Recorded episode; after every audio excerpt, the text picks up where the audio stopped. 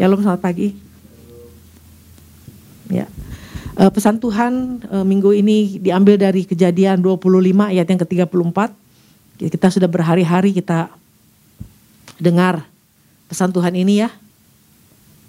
Kejadian 25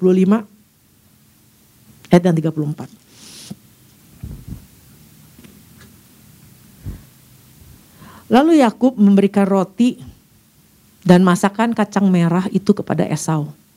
Ia makan dan minum, lalu berdiri dan pergi. Demikianlah Esau memandang ringan hak kesulungan. Nah ini yang jadi pesan Tuhan buat kita.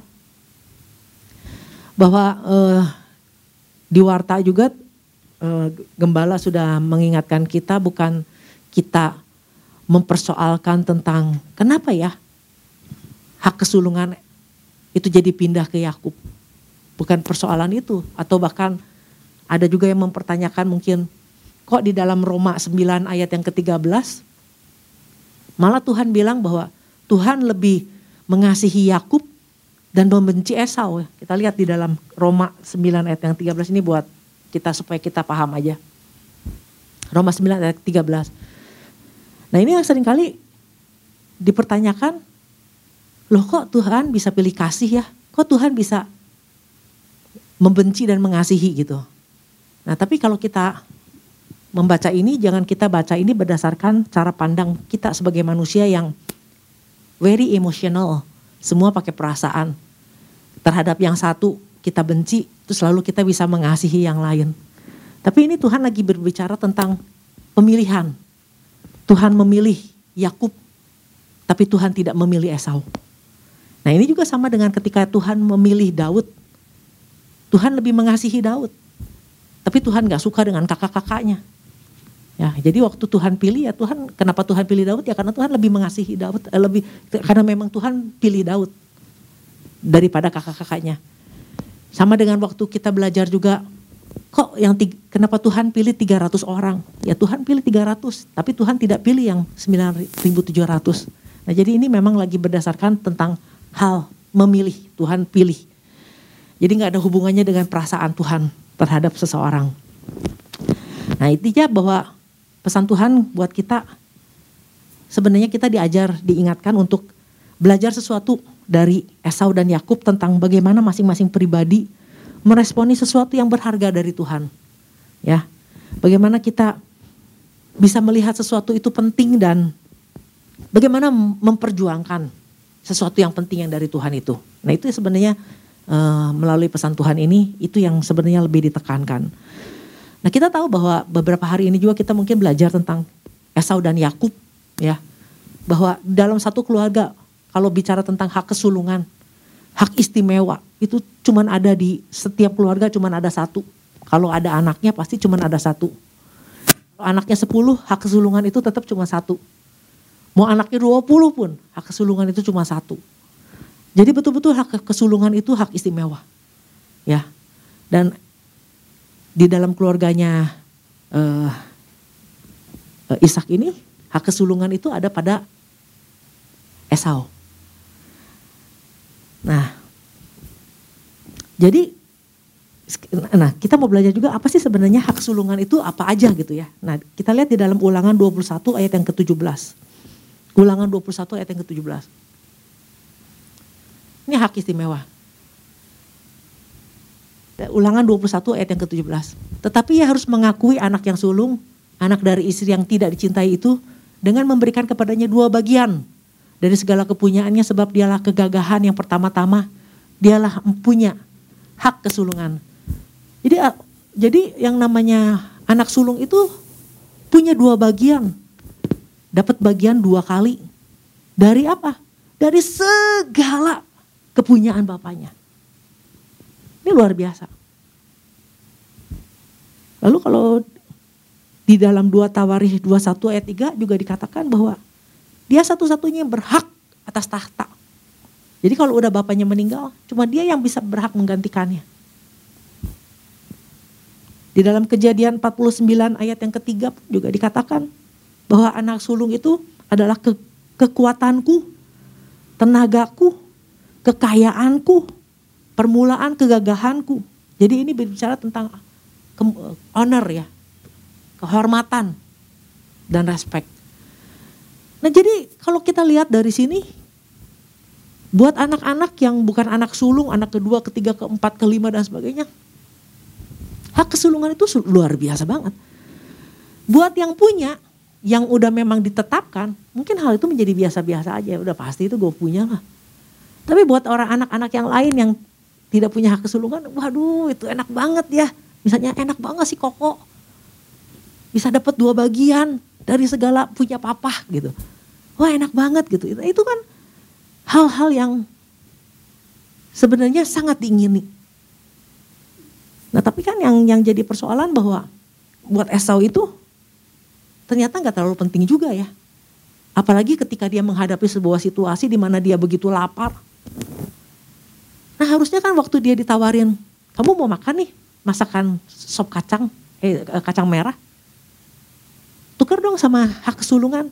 Kalau dia tahu hak kesulungan itu begitu berharga, mestinya dia bilang janganlah, jangan hak kesulungan itu yang lain. Yang lain aja. Aku punya tanah nih, mau nggak tanah gitu? Enggak. Saking dia betul-betul dalam kondisi yang lapar, pengen makan. Jadi ketika Yakub yang memang pengen banget punya hak kesulungan itu yang dia yang dia tawarin gini, kalau mau sop, kalau mau kacang merah, tukarnya sama uh, apa? hak kesulungan. Jadi buat Yakub itu hak kesulungan tuh hal yang luar biasa. Dan akhirnya dengan segala kesadaran Esau memberikan hak kesulungan itu sampai Yakub pun gak yakin nih bener gak dia mau ngasih nih dengan kesadaran gitu. Sok sumpah. Kalau sekarang mungkin bikin surat perjanjian di atas materai bener-bener lu udah ngasih. Eh mau lagi.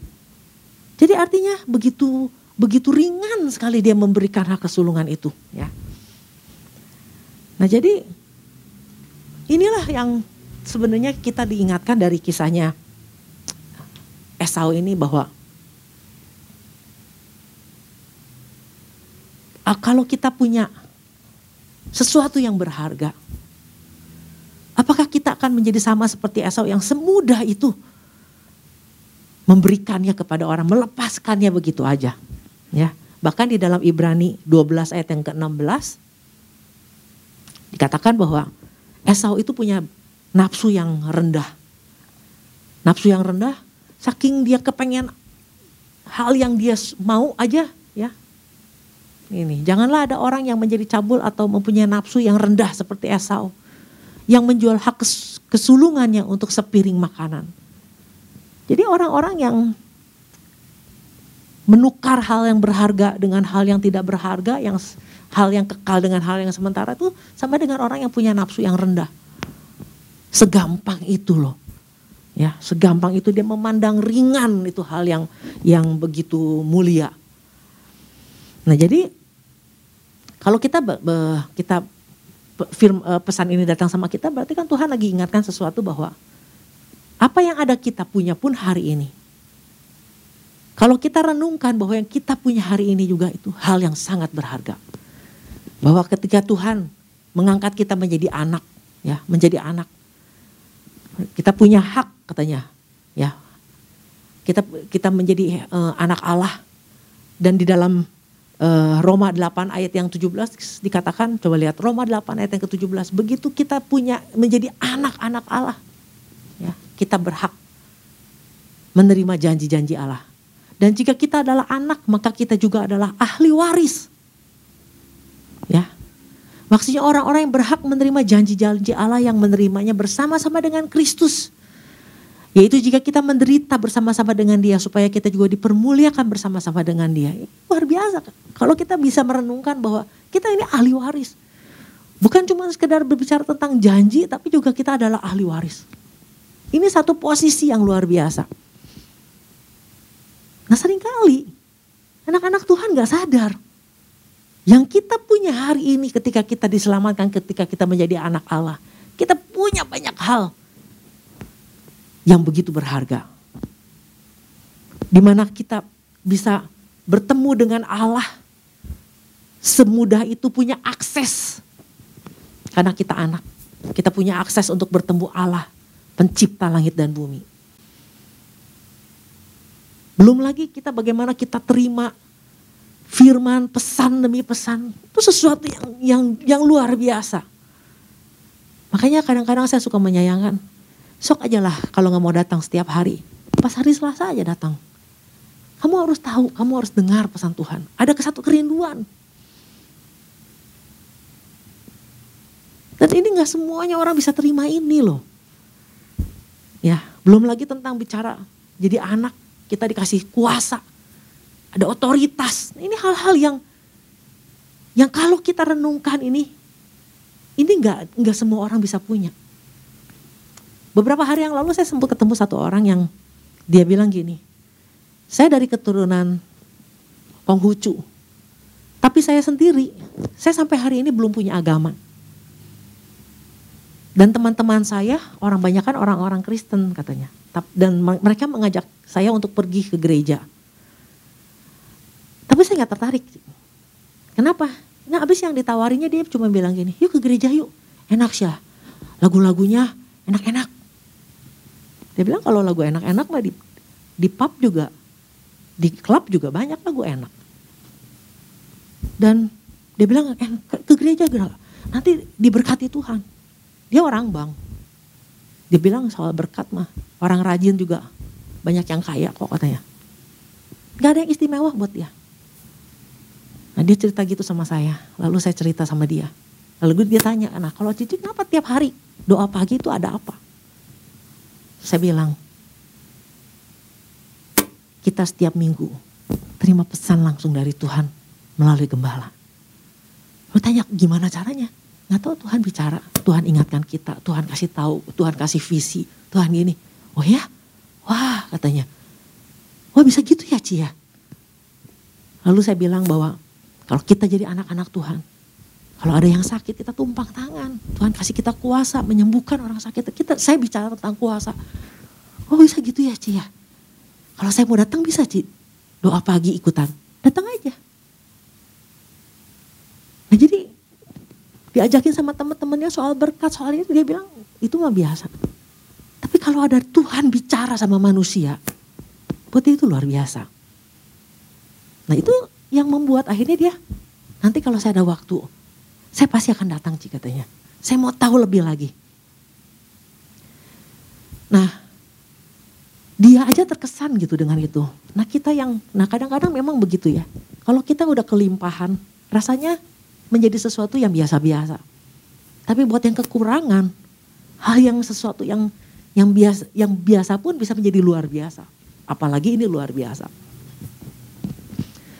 Nah, jadi kita diingatkan melalui pesan melalui Esau, kisah Esau dan Yakub ini adalah gini.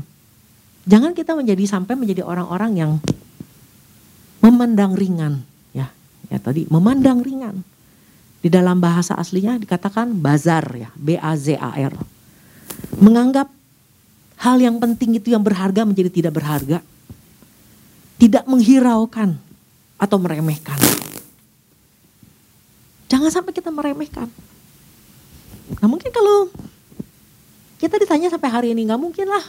Saya mau mau jual Yesus untuk sesuatu yang yang biasa-biasa aja yang sementara nggak mungkin. Semua orang juga gitu. Hari ini mungkin kalau ditanya semua orang nggak akan jual. Esau pun sama. Dia nggak pernah punya keinginan buat jual hak kesulungannya. Dia nggak pernah berpikir untuk memberikan hak kesulungannya. Sampai satu saat dia dalam keadaan butuh makan. Kadang-kadang kita dibawa ke satu situasi yang kita kepepet banget. Bahkan kita butuh banget pertolongan ini. Atau kita dibawa ke dalam satu situasi di mana ada keterdesakan. Nah, Esau pun gitu, dia terdesak. Jadi waktu dia harus melepaskan, dia begitu mudah melepaskannya. Jadi kalau dalam kondisi yang biasa-biasa lagi biasa-biasa sih mungkin kita akan bilang, nggak akan lah, nggak akan mungkin saya jual Yesus untuk yang begini yang begitu, anak-anak muda mungkin. Tapi kalau dia ketemu sama orang yang dia cinta, cinta banget. Kita nggak tahu apa yang akan terjadi. Nah oleh karena itu sekarang gini ya jadi harusnya kalau kita memandang hal-hal yang dari surga. Kalau kita memandang bahwa hal-hal yang dari Tuhan itu adalah hal yang berharga. Mau situasi apa pun juga seharusnya itu tidak akan tertukar, tidak akan kita jual. Kalau betul-betul kita yakin, kita tahu yang kita pegang itu, yang kita punya itu sesuatu yang berharga. Nah, pertanyaannya ada lagi nih, sampai hari ini kita cek coba, betul nggak Tuhan itu hal yang berharga buat kita? Perkara-perkara kerajaan Allah itu hal yang berharga buat kita. Jangan kita datang sama Tuhan, jangan kita cuman ibadah hanya karena gini. Ah takut masuk neraka. Takut nggak diberkati.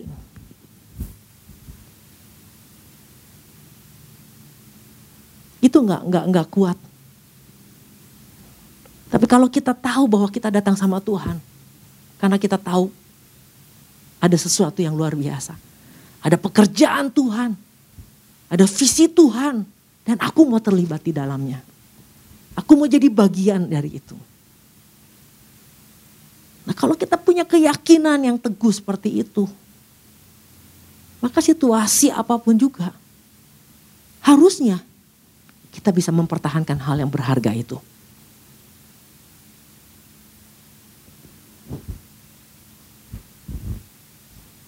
Nah jadi bagaimana kita tahu nih bahwa hal kerajaan sorga apa yang Tuhan yang ada pada Tuhan perkara-perkara e, rohani itu adalah hal yang berharga. Kita cek aja diri kita. Apa yang menjadi pengejaran kita hari-hari? Karena orang yang karena yang sesuatu yang berharga itu pasti dikejar orang betul Pasti kita akan cari, kejar yang menurut kita itu berharga. Dan pengejaran kita nggak main-main. Ya kayak orang suka mencari eh, harta karun kan. Begitu dia tahu di wilayah mana ada harta karun. Mereka akan bikin tim, mereka akan bikin cari dana untuk apa? Untuk menemukan harta karun itu. Bisa berhari-hari, bisa berbulan-bulan, bisa bertahun-tahun yang mereka cari adalah hal yang berharga. Nah, bagaimana dengan kita?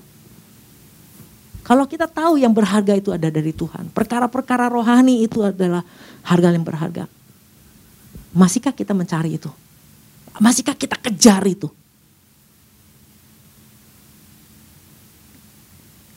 Apakah kita cuma biasa-biasa aja? Cuman karena terbawa aja situasi kita ikutan. Rasul Paulus kata kita lihat bahwa dia pernah satu punya satu pernyataan bahwa yang ku kehendaki mengenal Kristus. Jadi ada satu komitmen di dalam dia.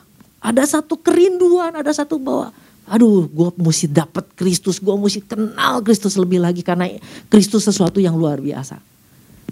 Nah kalau kita tahu bahwa yang berharga ada di dalam Tuhan, berarti firmannya, uh, ketika ada ibadahnya,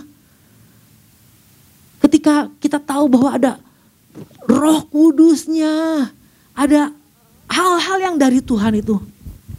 Kita kejar itu. Kita mau bayar harga itu.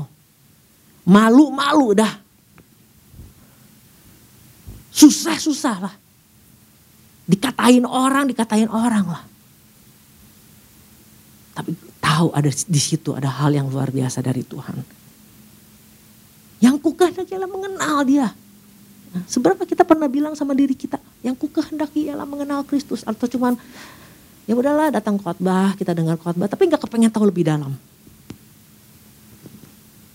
Kalau kita tahu ada yang berharga di situ sebenarnya, itu yang harusnya menjadi pengejaran kita. Karena yang berharga pasti dikejar, pasti dicari. Nah firman Tuhan makanya kan ingatkan carilah dahulu kerajaan Allah. Seberapa kita mau cari kerajaan Allah, bukan cari gereja ya. Cari hal-hal yang berhubungan dengan kerajaan Allah dan kebenarannya. Artinya hal-hal yang berhubungan dengan Kristus. Apa yang dilakukan Kristus, apa yang diperbuat Kristus, apa standarnya Kristus, nilai-nilainya Kristus, prinsip-prinsipnya Kristus, Apa pun yang semuanya berhubungan dengan kebenaran. Mau cari tahu. Mau mau kejar itu sampai dapat. Kalau kita tahu itu berharga. Nah jadi yang berharga itu akan menjadi sebuah menurut kalau menurut kita berharga pasti itu menjadi semangat buat kita. Nah oleh karena itu dalam kolose 3 ayat pun dikatakan. Kita lihat kolose 3.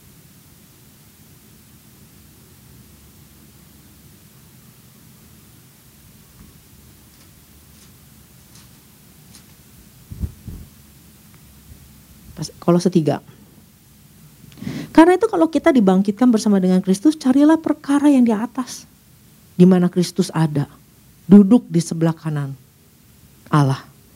Pikirkan perkara yang di atas, bukan yang di bumi. Sebab kamu telah mati dan hidupmu tersembunyi bersama dengan Kristus di dalam Allah. Nah, jadi ketika kita udah betul-betul anak Allah dibangkit, kita dibangkitkan bersama dengan Kristus, artinya kita udah lahir baru. Harusnya yang kita cari hal-hal yang dari yang yang dari Allah. Udah dilahirkan baru berarti kan kita udah menjadi anak Allah dan kita betul-betul pengen tahu lebih banyak lagi, pengen cari tahu, pengen kenal Tuhan lebih lagi. Karena kita tahu itu sesuatu yang luar biasa. Jadi anak Allah aja udah biasa, luar biasa. Nah, semuanya, jadi semuanya ada di dalam kita. Jadi jadi gini loh. Kita menjadikan hal yang dari Tuhan berharga bukan karena kita dengar khotbah loh. Cuma dengar khotbah aja. Kita nggak akan bisa merubah bahwa yang tadinya ber, eh, yang tidak berharga menjadi berharga enggak. Semuanya tergantung dari kita. Bagaimana cara pandang kita, bagaimana kita menghargai sesuatu. Oleh karena itu biarlah pagi hari ini kita kita diingatkan kalau kita betul-betul anak Allah dan kita adalah ahli waris dan kita tahu bahwa ada hal-hal yang Tuhan sedang kerjakan yang luar biasa, perkara-perkara surgawi, perkara-perkara kerajaan surga yang luar biasa. Bagaimana sikap kita? Kesungguhan itu harus datang dari kita. Jadi oleh karena itu mulai sekarang set pikiran kita. Katanya di sini set your mind. Set pikiran kita untuk perkara-perkara yang di atas Nah begitu kita mulai set pikiran kita untuk perkara-perkara yang datang, kita akan melihat lebih lagi betapa begitu kita kenal Tuhan, begitu kita tahu lebih banyak lagi tentang Tuhan, kita akan melihat betapa dahsyatnya yang Tuhan kasih buat kita. Betapa hebatnya yang kita ada, yang kita miliki sebagai anak-anak Tuhan. Itu luar biasa. Tapi kalau kita nggak pernah tahu seperti itu dan kita cuma tahu sebatas ya kira-kira aja Jangan sampai sama seperti Esau. Pada saat dia dalam keadaan kepepet, dalam keadaan dia butuh makan. Dengan kesadaran dia ringan aja. Nggak ada yang luar biasa buat dia. Nah, oleh karena itu biarlah saya tidak panjang lebarkan, kita ingatkan diri kita lagi, kita cek lagi coba. Apa sih pengejaran kita? Perkara-perkara yang di atas kah? Atau perkara-perkara yang bumi yang hanya sementara. Atau perkara-perkara yang kekal. Perkara-perkara tentang saat suatu saat nanti kita akan memerintah bersama Kristus. Demikian firman Tuhan, Tuhan berkati.